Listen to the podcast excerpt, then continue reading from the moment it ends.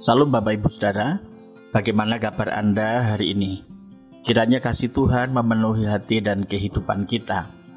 Hari ini saya merenungkan firman Tuhan dari surat 1 Petrus pasal 5 ayat 8 hingga 9, demikian bunyi firman Tuhan. Sadarlah dan berjaga-jagalah lawanmu si iblis berjalan keliling sama seperti singa yang mengaum-aum dan mencari orang yang dapat ditelannya Lawanlah dia dengan iman yang teguh, sebab kamu tahu bahwa semua saudaramu di seluruh dunia menanggung penderitaan yang sama. Waspada dan berjaga-jaga. Bapak Ibu Saudara, ketika kita mengaku iman kita di hadapan jemaat dan di hadapan Tuhan, kita juga sedang mendeklarasikan di hadapan pribadi yang menjadi musuh manusia sejak mulanya, yaitu iblis si iblis akan terus berusaha dengan segala cara untuk menjatuhkan manusia dan menjauhkannya dari Tuhan. Tantangan iman terbesar kita saat ini bukan beru, bukan hanya berupa penganiayaan secara fisik, bullying sebagai orang Kristen, percaya kepada Kristus atau dicemooh dengan orang lain, tetapi yang perlu kita waspadai adalah tawaran hidup yang duniawi yaitu materialisme, konsumerisme, egoisme, dan lain-lain. Nah, untuk mencapainya, banyak orang berjatuhan dengan cara menghalalkan segala cara.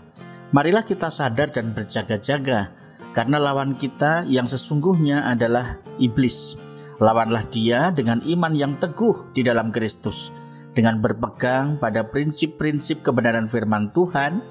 Marilah kita meneguhkan iman agar kita walaupun tipu daya iblis ada di sekitar kita, kita memiliki kekuatan. Rasul Petrus mendorong kita supaya kita tetap memiliki kesadaran yang penuh, supaya kita dapat berjaga-jaga terhadap tipu daya si iblis ini. Di sisi lain juga iblis terus-menerus menuduh kita bahwa kita tidak layak dekat dengan Tuhan karena kita masih sering jatuh di dalam dosa. Iblis mengaum-aum dengan maksud mengintimidasi kita anak-anak Tuhan. Tujuannya jelas supaya membuat kita bimbang dengan fakta kebenaran firman Tuhan, lalu bingung ketika menghadapi realitas hidup, putus asa, menyerah, atau membuat kita terlalu membesar-besarkan persoalan kita sendiri. Iblis berusaha mengintimidasi kita dan menelan kita sehingga sering kali kita berpikir bahwa kita sudah ditelannya habis. Sementara kenyataannya kita hanya mendengar aum aumannya saja dan iblis sama sekali belum menyentuh sedikit pun dari kehidupan kita yang telah dimiliki oleh Kristus. Hari ini kita diingatkan saudara untuk kita sadar dan serangan iblis dalam hidup kita itu sangat membahayakan. Setiap hari iblis selalu berusaha menyerang dan menggoyahkan iman kita. Salah satunya lewat cara masalah yang sedang kita hadapi dalam kehidupan ini. Tidak ada seorang pun yang terhindar dari masalah di dalam hidupnya. Setiap hari ada masalah dan sebelum masalah selesai sudah timbul lagi masalah yang baru. Demikian terus seterusnya. Nah, iblis mau supaya kita menjadi khawatir dengan hidup kita dan kita melupakan bahwa ada Tuhan yang menyertai kita.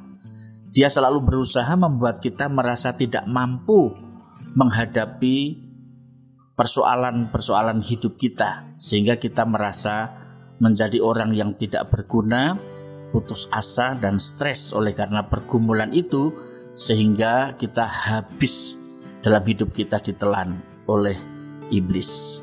Sebagai anak-anak Tuhan, kita harus selalu menyadari akan serangan-serangan iblis ini.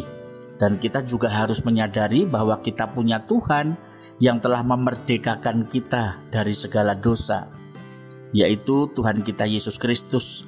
Dia mengasihi kita apa adanya dan memelihara kita sehingga kita mampu menanggung setiap beban dan pergumulan yang sedang kita hadapi.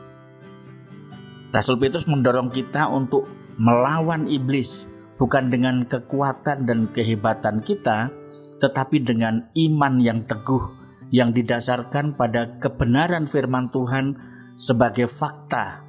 Orang percaya harus bertekun dalam iman mereka, sebab kesejahteraan atau kesehatan itu tidak pernah menjadi tanda atas berkat Tuhan.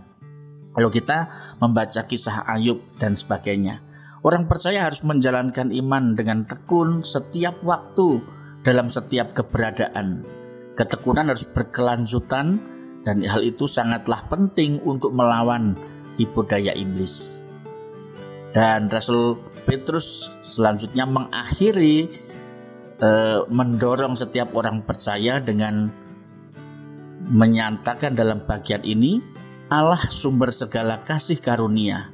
Artinya harapan dari setiap orang percaya adalah Allah sendiri yang tidak pernah berubah kasihnya terhadap kita kemurahannya terhadap kita, dan anugerahnya yang berlimpah atas hidup kita. Walaupun kita hidup di dunia bisa jatuh dalam berbagai-bagai pergumulan, namun Tuhan sanggup menopang kita. Dia yang memiliki kehidupan kita. Lawanlah iblis dengan kebenaran firman Tuhan sebagai fakta yang kita miliki dan bertekunlah di dalam Tuhan. Selamat berefleksi, Tuhan memberkati.